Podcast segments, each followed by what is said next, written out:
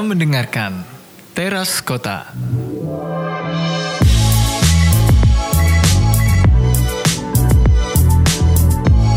Yeay, kembali lagi di Teras Kota soal kota soal kita baik lagi bareng gue Randy dan sekarang hari ini gue ditemani oleh Wilda. lagi Wildan lagi ya. kayak episode yang kemarin sama Gema ya Iya, yang kemarin sama Gema, terus sekarang Gema cuti ke Surabaya.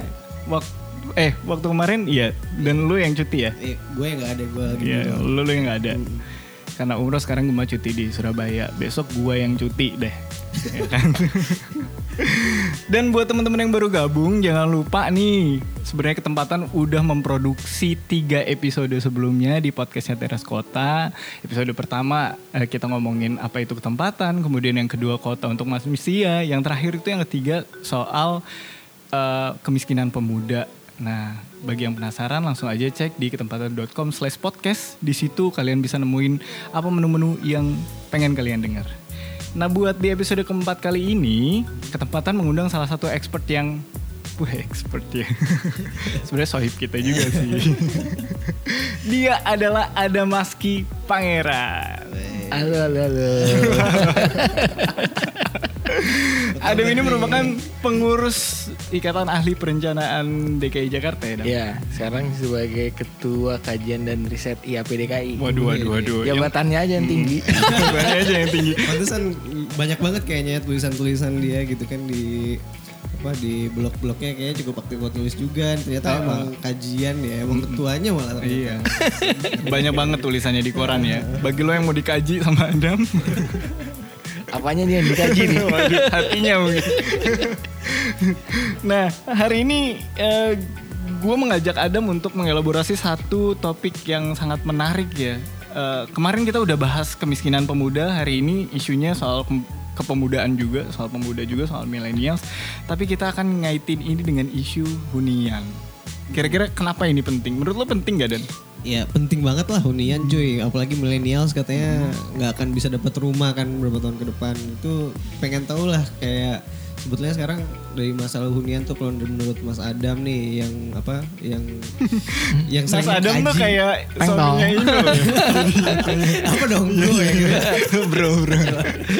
Bro Adam gitu kan yang sering lihat fenomena tentang eh, kayaknya lebih dekat ke hunian ya apalagi eh, apa namanya pekerjaannya juga dekat dengan masalah urban planning segala macem. Pengen tahu dong gimana gitu loh untuk masalah hunian ke depannya seperti apa. Dan mungkin Mas Adam juga punya sedikit eh, ya mungkin ide-ide yang menggelitik yang bisa mungkin didengar sama apa namanya bisa jadi solusi lah ke depannya gitu.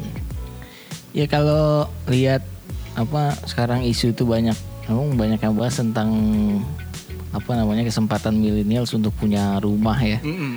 Karena katanya sekarang millennials itu kan memang karakternya dinamis, terus apa namanya Progresif. Oh enggak juga sih. Terus apa? Baru kali ini loh ada narasumber yang mencaci maki milenial. ya maksudnya ya karakternya kan ya dinamis terus ke self oriented gitu ya. Juga maunya yang praktis karena di dunia digitalisasi yang udah maju kayak sekarang gitu. Apakah mereka punya kesempatan untuk punya rumah atau enggak gitu? Itu memang jadi banyak per- eh, apa namanya diskusi publik di mana-mana gitu. Ya. apalagi soal yang namanya lifestyle ya. Kalau dulu mungkin orang tua kita atau generasi sebelum kita tuh kalau masih muda tuh kan berpikirnya gimana caranya beli rumah ya. betul Iya, betul, iya, betul. iya. Kalau yang generasi sekarang kayaknya gimana caranya gue bisa Instagram gue keren dengan gue jalan-jalan ke luar negeri atau gue makan di tempat yang apa hebring Fancy. ya gitu gitulah ya. Mm. Eh, mungkin kalau gaji mungkin nggak tahu ya. Kalau di ini mungkin sama aja kali. Cuma eh, lifestyle yang sekarang udah beda gitu. Iya. Tapi selain gaya hidup juga cara berpikir juga. Eh, misalnya, misalnya lu nih Mm-mm. dikasih rumah di Menteng di sebelah rumahnya Wapres, Oke, mau nggak? mau dong. Eh, coba lu berpikir tentang biaya pajaknya. Oh iya juga sih. Habis itu yang ngurusnya rumah Iya, di iya, Menteng bener, tuh bener, lu nggak mungkin lu urus dengan lu sendiri tanpa Iya. pembantu loh. Kalau gua ngepel sendiri bisa lu yang dianggap jadi bisa pecah betis gua kan. Iya kan? Iya. Apalagi generasi-generasi yang bukan milenial saja mungkin yang Gen Z ke depan tuh kalau di ka- diwarisin rumah yang gede gitu ya. Hmm. Itu malah berpikir bukan sebagai keberuntungan mungkin beberapa. Berpikir sebagai beban sebagai apa namanya listriknya gimana biaya pembantunya gimana ngepelnya gimana nyapunya gimana dan lain-lain kan. Nah, Mau ma- diisi apa? Masa Iya. iya cuma isinya satu lemari doang gitu kan? iya apalagi ya Sisanya buat lapangan bola kan nggak enak. kalau yang anak-anak milenials gitu kan sukanya yang minimalis yang apa segala macam ya Sederhana. Seder sederhana sih nggak juga sih kalau menurut gua terus Salah aja gue ya jadi penyiar kayak gue berhenti deh. kayak gue harus cuti nih. ya, ya maksud gua berarti mungkin perkembangan ke depan tuh bukan cuma soal hunian ya tapi eh, ke depan tuh mungkin warisan bukan bentuknya tanah atau emas lagi mungkin ya. Mungkin iya. bentuknya yang yang liquid gitu. Apa namanya? Deposito asuransi. Oke. Siapa yang tahu gitu Akun Instagram. Nah, mungkin aja kan apa aset aset digital sosial media kan 100k gitu kan. Followers. Followernya udah 100k swipe up swipe up. Eh, engagement rate-nya tinggi ternyata kan Tapi menurut lo itu sesuatu yang perlu kita khawatirkan gitu sih dengan perubahan lifestyle kayak gitu. Kemudian kalau gue lihat, gue pernah baca satu artikel millennials itu emang lebih prefer uh, menghabiskan atau me- memiliki tabungan untuk jalan-jalan sebenarnya daripada hunian. Nah itu sesuatu yang perlu dikhawatirkan atau gimana menurut lo? ya kalau gue sih lihatnya dari sisi pandang ekonomi aja ya Mm-mm. Kalau bagi secara ekonomi mungkin jadi cukup mengkhawatirkan ya. Misalnya kalau kayak orang beli rumah itu kan yang dibeli sebenarnya bukan rumahnya, bukan cuma rumahnya kan, tapi ada furniturnya, ada listriknya, ada segala macam lah kan. Kan kalau industri real estate tuh apa namanya downstreaming industrinya tuh industri ikutannya tuh kira-kira ada 174 Oke. jadi itu dampak ekonominya kan. Belum lagi misalnya di perbankannya gitu. Dia biasa dapat apa namanya uang yang tenornya misalnya 20 tahun karena KPR 15 tahun kan. Sekarang yang kalau kalau nggak ada orang di rumah ya market itunya kan turun. Iya. Ya perubahannya sih kalau gue di perubahan di di ekonominya ya bahwa dulu eh, investasi di sana sekarang investasinya mu- mungkin nggak eh, cuma investasi tapi hal-hal yang konsumsi yang lebih tinggi yang apa namanya perputaran uangnya lebih cepat gitu kan Mm-mm. mungkin kalau gue sih lihatnya di situ Oke. Dari sudut panda eh dari sudut milenial sendiri di tengah gua nggak tahu ya, gua nggak pernah ngelihat bahwa properti itu terutama di Jakarta misalnya turun gitu harganya. Selalu meningkat gitu sementara tadi eh, situasinya adalah millennials cenderung tidak menabung untuk memiliki hunian. Artinya kan gap antara supply dan demand ini jadi semakin jauh, ya nggak sih? Hmm, hmm. Atau enggak sebenarnya? ya kalau apa penelitian teman-teman di ITB ya dulu dipimpin sama Pak Haryo itu harga tanah di Jabodetabek itu naik 16 persenan tuh se- 16 persenan. iya setahun Mm-mm. Ya kalau dibandingin data inflasi apa eh, kenaikan gaji gitu ya Mhm. eh bukan data inflasi sorry maksud gue data kenaikan gaji yang dari BPS itu itu nggak nyampe segitu nah Nggak kenaikan gaji iya 16%. jadi memang pasti dan memang kebutuhan hunian kan semakin tinggi juga karena urbanisasi juga makin Iya, tinggi iya. kan Eh, makanya kayak apa industri properti di sekitar Jabodetabek ini bukan di sekitar di sekitar Jakarta di Jabodetabek itu tumbuh sangat pesat sekali ya Iya, iya. kalau lihat dari penelitiannya JLL itu kan ada 34 pembangunan kota baru tuh tahu. yang dilakukan oleh kebanyakan oleh swasta ya sebut aja BSD Alam Sutra Jababeka di timur di selatan eh, udah banyak gitu jadi implikasinya di situ sih Iya. Tapi dengan kalaupun ada Newton misalnya kayak BSD dan lain sebagainya itu kan aff- affordability-nya juga jauh Iya. sih dari rata-rata gaji milenial. Iya makanya kalau gue lihat juga sekarang tuh kan isu yang juga lagi ramai kan TOD itu ya Transit Oriented Development tuh ya gimana ada mixed use development termasuk satu, salah satunya hunian itu di sekitar pintu transit eh, Iya. transportasi publik kan Stasiun. karena berpikirnya mas karena kan dengan tadi pasar harga tanah itu selalu naik ya. Mm, itu kan makin lama orang tuh tinggal makin keluar. Keluar, keluar makin pusat kota. jauh dari pusat kota. Mm, yang terjadi kalau di urban planning itu kan urban sprawl sebenarnya. Iya. Nah, adanya konsep teori terakhir-akhir dengan didengungkan tuh, gue pikir tuh gara- gara-gara itu juga. Hmm. daripada orang semakin jauh keluar dari pusat kota, dari pusat bisnis. eh, gimana kalau kita apa namanya bikin, Bikin compact, compact gitu bikin ya. compact di di apa sekitar pintu transit gitu. Itu kenapa isu TOD jadi menurut gue sih akhir-akhir ini rame sering dibahas di mana-mana. Kayak gitu. Tapi sebetulnya sih kalau untuk ini masuk ke TOD-nya sendiri nih.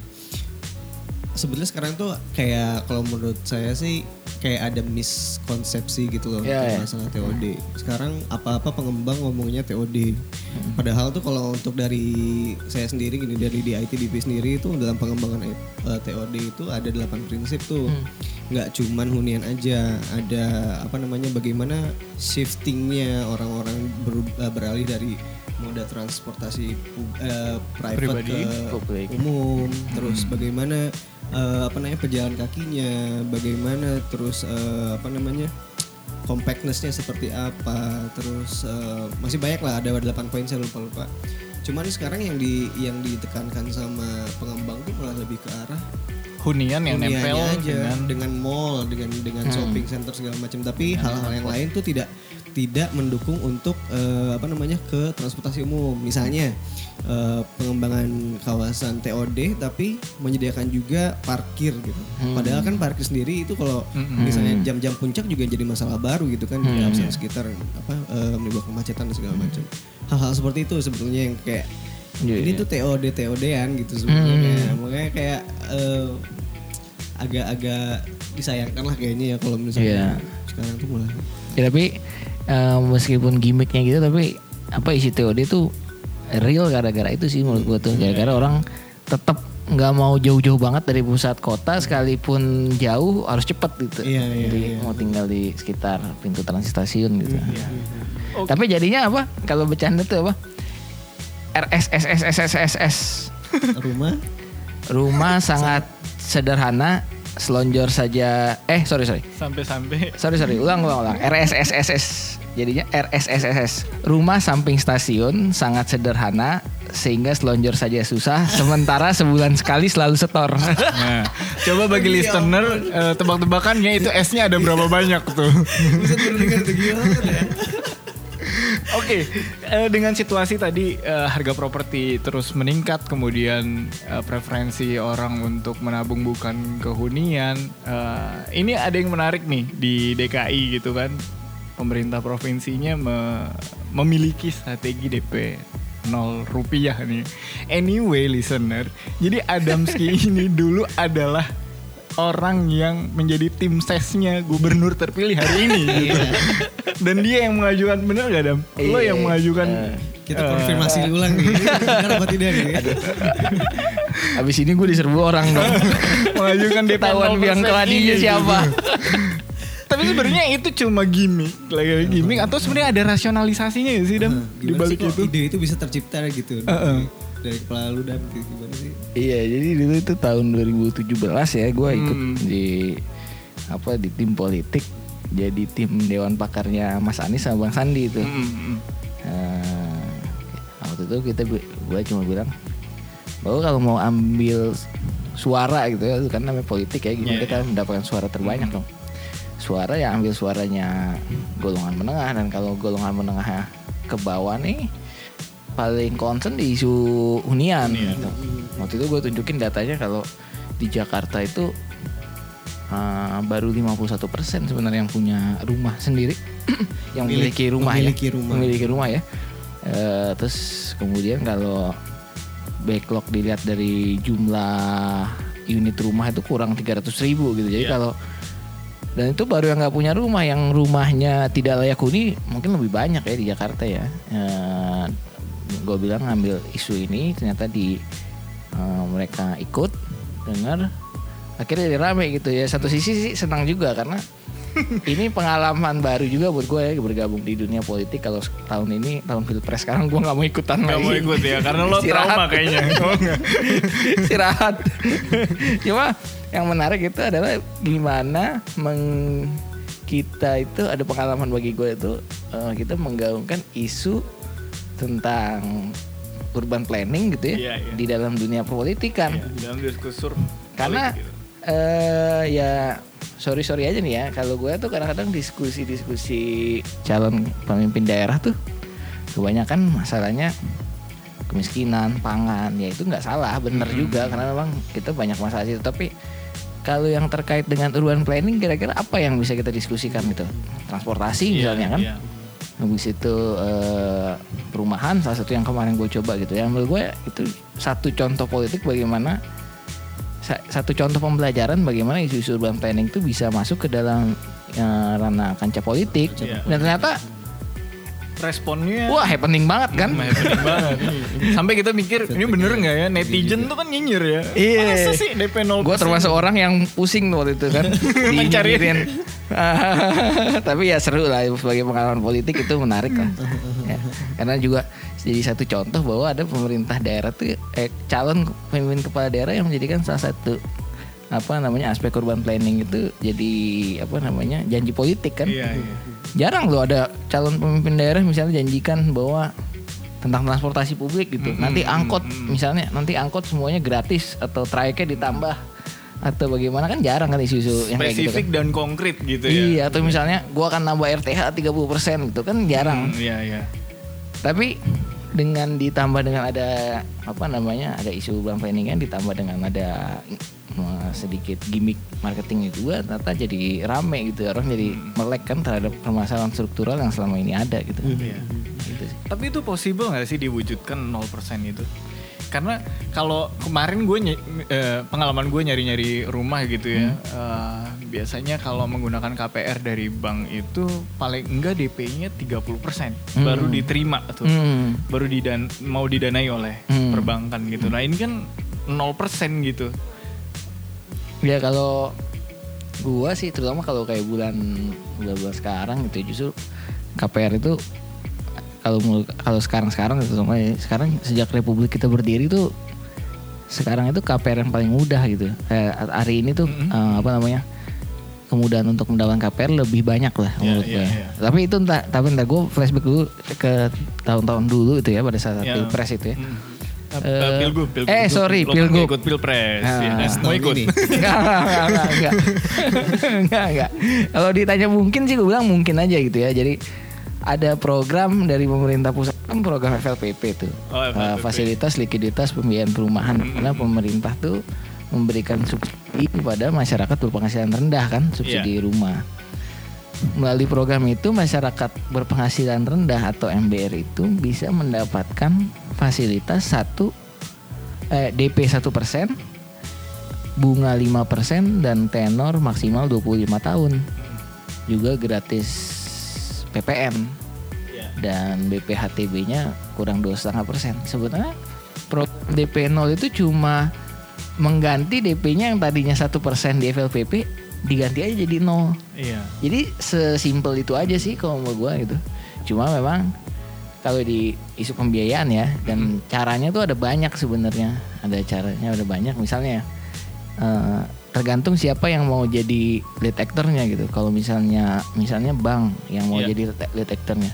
Bank sebenarnya bisa gak aja menurut gua tuh ngeganti biaya eh, apa namanya asuransi dan biaya KPR biaya apa namanya biaya administrasi KPR-nya dia diskonin asuransi dan biaya untuk ngecover yang DP-nya itu kalau misalnya mau mau apa namanya mau bank yang ngelit atau misalnya eh, developernya yang mau lead DP 0% ya berarti tinggal developernya aja yang dia subsidi ke konsumen kan? Iya. ya sebenarnya caranya ada macam-macam gitu. Kalau yang terakhir ini dipilih sama pemerintah provinsi DKI itu kan melalui BLUD ya. Ya itu ada. Eh ya menurut gue sih jadi gini jangan menjadikan sesuatu tuh DP 0% tuh nggak cuma dalam satu cara gitu. Ada banyak cara banknya bisa inisiatif bisa developernya inisiatif juga bisa pemerintahnya kalau mau inisiatif juga bisa gitu. Ada opportunity cost yang hilang gitu ya ketika misalnya mengajukan uh, DP 0%. Tadi misalnya asuransinya yang biaya asuransinya yang ya misalnya biaya biaya gitu kan. asuransi yang di cover sama pemerintah kan bisa aja kan Hmm, Karena kalau kita KPR itu kan kita harus ngasih biaya asuransi, ya, biaya ya, segala macam. apalah segala. Ya itunya aja yang di cover. Atau Oh, yang misalnya disubsidi oleh pemerintah gitu ya. Atau misalnya pemerintahnya pemerintah daerahnya dia nggak ngambil pajaknya. Nggak ngambil dari BPHTB-nya Oke, kan bea penghasilan apa eh, pe- bea penghasil pendapatan hak tanah batas bangunan gitu kan BPHTB-nya BPHTB-nya kan kira-kira 5% Iya, itu gede juga tuh. Iya, 5% dari harga jual. Kalau kita beli rumah kita tetap harus bayar 5% dari harga kita beli rumah. Iya. Ya sekarang bisa aja kok 5%-nya itu kita turunin jadi nol tapi konsumennya nggak usah bayar lagi gitu. Kita subsidi aja. Dan itu kejadian kok di Kalimantan Barat tuh di Ketapang tuh kayak gitu tuh. Jadi ada itu kerjasama beberapa pihak tuh.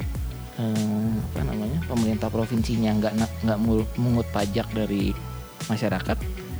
Developernya nggak ngambil DP dari masyarakat jadi juga jadi 0% gitu Eh, itu mu- mungkin gitu jadi memang bikin untuk jadi 0% tuh nggak cuma punya satu cara gitu ada banyak cara untuk jadi 0% gue kalau mau list juga masih ada kok 10 lagi gitu caranya Iya, siap, siap. Simpen dulu buat kampanye berikutnya. Iya. Siapa tahu nanti jadi hits lagi kan.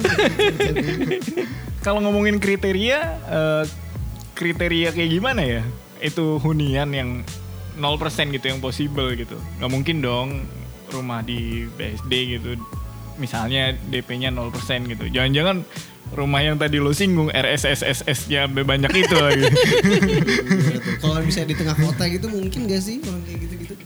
Iya, masalahnya kita ada apa namanya ada peraturan permen PU itu menentukan kriteria rumah subsidi gitu, Ma- termasuk aspek teknisnya.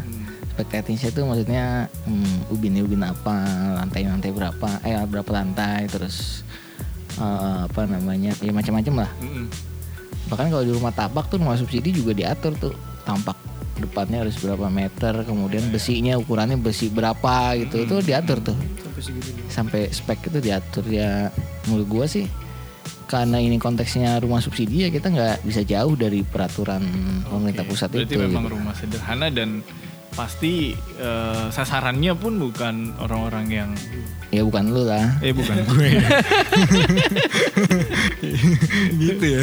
Gue termarginal kan jadinya. Kita lebih gak mampu lagi kayak gitu. Oke, kalau untuk eh, menurut Mas Adam sendiri, ada jangan Mas Adam. Iya gue udah sama wawancarain suaminya Inul jadinya. Kumisan dong. Kalau untuk menurut lu sendiri Dam, hmm, apa sih kira-kira yang perlu diperhatiin nih dari eh, dari sisi pemerintah sama dari orang eh, generasi milenial sendiri gitu ya untuk bisa untuk memenuhi eh, huniannya gitu untuk kebutuhan berhuninya gitu. Kira-kira apa sih yang paling krusial tuh yang perlu diperhatiin? Iya bahwa kalau gue sih tadi dari dampak ekonominya lagi ya, karena kan kalau kita beli rumah, kita KPR rumah, itu yang kita beli bukan cuma rumahnya loh. Iya. ke banknya kita dap kita untuk KPR-nya kan Mm-mm. banknya juga bisa running uang lagi kemudian ke apa dalam rumahnya itu ada berapa banyak industri yang ada di situ kan baju eh, apa dari furniture. kipas angin mungkin mobil motor batu kerikil semen cat dan lain-lain gitu. Ada ada dampak ekonomi yang luar sebenarnya luar biasa juga. Eh, sebenarnya itu yang harus diingatkan ke apa pentingnya dampak ekonominya itu ya. Ketimbang kalau kita apa nongkrong nongkrong di kafe ya mungkin dampak ekonominya gede juga ya. Cuma kalau menurut gue sih kalau dibandingin multiplier e- efeknya terhadap industri real estate sih mungkin lebih gede industri real estate ya banyak industri ikutan yang apa namanya Tapi lebih banyak gitu Tapi kan kalau nggak salah ya sekarang tuh perkembangan properti lagi, lagi lumayan agak lesu ya kalau nggak salah. Hmm. Itu kalau menurut lu sendiri itu ada pengaruh dari mulai ada pengaruh dari si generasi milenial ini nggak yang enggan untuk membeli properti lah atau misalnya atau gimana tuh kira-kira? iya menurut gue Kayaknya sih tahun-tahun ini lagi kurang menarik nih kayaknya properti. ini. Iya kalau menurutku juga kayaknya termasuk gara-gara itu ya karena kita ada banyak shifting generasi baru ya dan apalagi kalau buat di kantor-kantor nah yang gede-gede gitu udah makin banyak tuh eh, apa namanya pekerja-pekerja milenialsnya gitu Yang nginep di kantor. Eh, gue nggak tahu. Maksudnya banyak lah gitu ya, banyak. Jadi nggak Eh, butuh hunian dia. Maksudnya sekarang dalam satu perusahaan tuh mungkin milenialnya tuh dulu kalau dulu mungkin cuma 5% persen, enam persen gitu. Sekarang mungkin udah Nah, yang lebih lebih hmm, lebih tinggi. Iya banyak banget gitu dan Nah. artinya kan artinya kan uang tuh dari mereka gitu kan. Iya. Kalau mereka membelanjakannya ke perumahan ya pasti dampak ekonominya bisa lebih gede tadi kan. Tapi kalau misalnya dipakainya untuk misalnya jalan-jalan dan jalan-jalannya ke luar negeri gitu. Hmm. Ya mungkin dampak ekonominya beda lagi gitu. Atau dia makan-makan di kafe untuk masuk di Instastory-nya atau Instagramnya ya dampak ekonominya beda lagi ya. Jadi sebenarnya apa pun yang dilakukan setiap individu itu punya dampak ekonomi yang berbeda ya. Gitu. Dan maksud lo sebaiknya millennials mulai memikirkan mana dampak ekonomi yang lebih besar. Iya kalau menurut gue yang paling yang salah satu yang besar ya dari kalau beli rumah gitu. Tapi ya. Karena sekarang terjadi shifting gaya hidup seperti itu, ya industri properti kayaknya yang kena pukul duluan gitu ya. Ya walaupun nggak salah juga sih jalan-jalan dan apa namanya kan makan-makan ya gue ya lu juga pada pasti sering kan.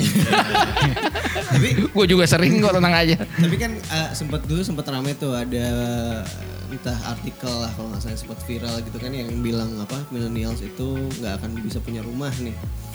Kalau dari sudut kacamata lu sendiri Dam, itu memang akan terjadi kalau misalnya gaya hidup milenial seperti itu atau eh, ah itu ya semua segala kemungkinan doang gitu kan itu cuma berapa persen dari dari possibility gitu atau gimana tuh kalau menurut? Kalau menurut gue sih mungkin akan terjadi ya. Mungkin aja gitu. Kalau gue simpel aja deh mungkin zaman dulu tuh tahun 90-an berapa sih kafe yang ada di Jakarta gitu dijami, dibandingkan sama tahun-tahun sekarang gitu. Eh, pasti lebih banyak tahun-tahun sekarang karena memang demand untuk yang kayak gitu kan lebih gede ya dibanding ini gitu. Dan jadi selain ada shifting gaya hidup juga ada ya itu tadi shifting apa namanya paradigma berpikir ya dibanding gua harus nyicil rumah selama 15 tahun 20 tahun mendingan gua gua kan hidup untuk hidup itu gue cuma satu kali ya gua Evan aja nikmatin aja gua jalan-jalan gua ke mana.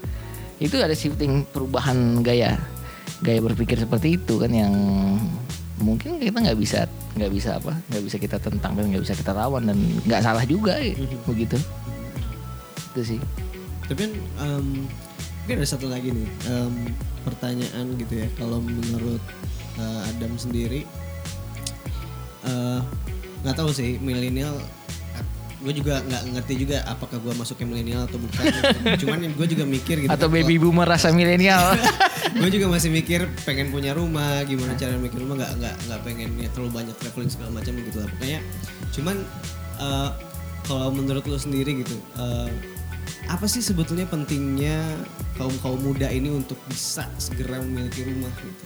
Kenapa harus sedini mungkin mereka memikirkan memiliki rumah seperti bukan bukan seperti orang dulu sih.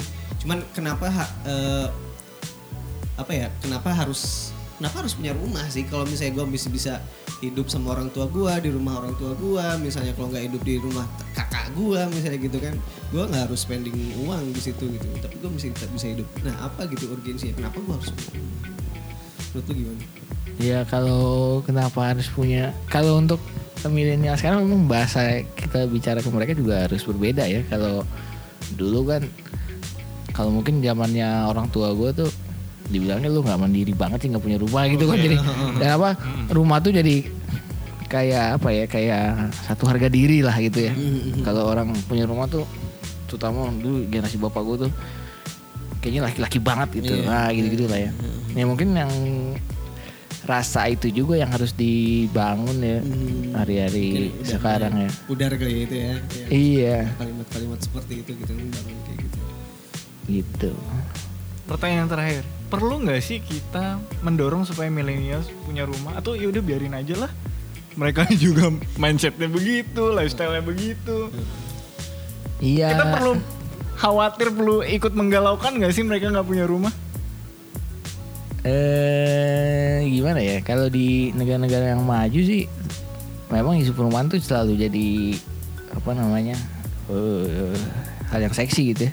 Kayak kemarin itu ya pas ki- kita di Pilpres itu ya, Gua- Pilgub. eh pilgub sorry. Di pilgub itu gue belajar dari pemilu London sebenarnya tuh. Si siapa mayornya Eh, Syekh siapa yang orang India Muslim itu? Iya iya iya gue tahu. Yang Tapi gue lupa namanya tuh. Sadikan. Sadi- Sadikan.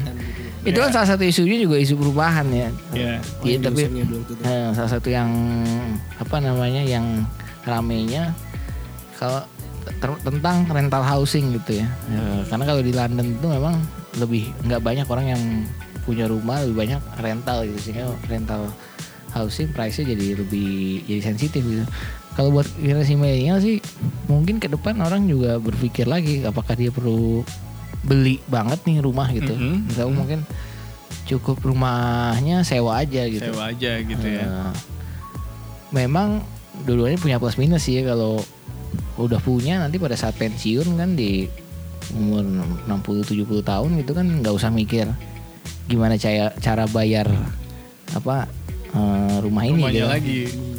Tapi kalau rumah sewa ya memang ada biayanya pasti lebih murah tapi biaya untuk lifestyle hidupnya pasti nggak nggak apa namanya mungkin berkurangnya cuma sedikit lah gitu. Tapi nanti pada saat pensiun mungkin jadi dia mikir lagi kan Lo bingung gitu. Mau Eh. tinggal di mana gitu. atau cara bayarnya gimana gitu atau numpang ke anaknya mungkin aja gitu Mungkin kan. bisa juga sih. gue jadi dapat ide. Oh, cuman ini ada jadi ada jadi kayak bahan diskusi lagi nih. Apa mungkin ya gitu jangan-jangan para milenial sekarang itu nggak mungkin nggak concern untuk memiliki rumah misalnya investasinya itu mungkin sekarang itu udah bukan ke rumah lagi gitu Hmm. bukan tangible lagi as a house gitu kan tapi mungkin kalau sekarang sih kelihatan kecenderungannya apakah nanti bisa ke reksadana kah Iya. Hmm, betul juga sih. atau ke mana gitu mungkin ya mungkin cuma Iya, iya. kita nggak tahu juga kan Jadi Iya. misalnya dia memilih untuk ya udah rumah sewa aja yang cicilannya murah tapi dia punya investasi di Aset gitu. yang intangible gitu ya. Iya, Jadi kalau pikir juga gitu pensiun sih. dia nggak khawatir lagi gitu karena Iya. Gue juga tadi kayak yang tadi gue ngomong di awal gue berpikir bahwa ke depan tuh mungkin warisan bukan tanah lagi Iya, tapi deposito surat berharga negara atau apa asuransi yang lebih liquid mungkin aja ya. iya iya benar benar benar Iya. Bener sih gue jadi kepikiran ya. Iya, ya, sebetulnya yang jangan sampai terjadi untuk millennials itu udah nggak punya rumah, nggak punya investasi di hal-hal lain juga gitu kan. Takutnya Terus ya, jarang nongkrong di kafe dan nggak pernah keluar negeri juga. Wah, nggak jalan-jalan juga. Asem, asem banget kan. sedih banget kayaknya jadi millennial. Oke, akhirnya kita ada di penghujung acara episode keempat ini. Acara episode keempat apa tuh maksudnya? podcast episode keempat ini. Dan eh, buat teman-teman, eh, buat listener jangan lupa untuk follow Instagramnya ketempatan di ketempatan at ketempatan, eh, Facebooknya at ketempatan. Kalau ada mau mempromosikan eh, sosial media Nggak usah, nggak usah. atau yang lain Nggak, nggak, jualannya nggak, nggak, tentang Apa? investasi Atau reksadana pengen diskusi gimana nih kalau misalnya diskusi pengen sama diskusi tentang diskusi eh, lebih lanjut soal DP 0% mau menggugat ide lo Waduh, waduh. Ya nggak digugat juga. malah malah Bikin orang serem gimana sih? malah pengen ngumpet. ya atau bisa lewat apa Instagram aja kali ya. oh Instagram aja ya. At A D H A M A S K I. Adham Maski. Maski ya Ya, situ aja. Tapi jangan apa, jangan komen-komen yang aneh-aneh kayak jual herbal, alat Oke, peninggi oke, badan oke. dan lain-lain ya. Muti Iya. itu bukan diskusi itu. Oke akhirnya gue Randy pamit Gue Wildan pamit juga. Dam lo mau pamit nggak? ya, Apa gue juga pamit. podcastnya? Oke, terima kasih semuanya ya. Dari kata eh, teras kota, soal kota, soal, Soal kita, kita juga. juga. Dadah. Dadah.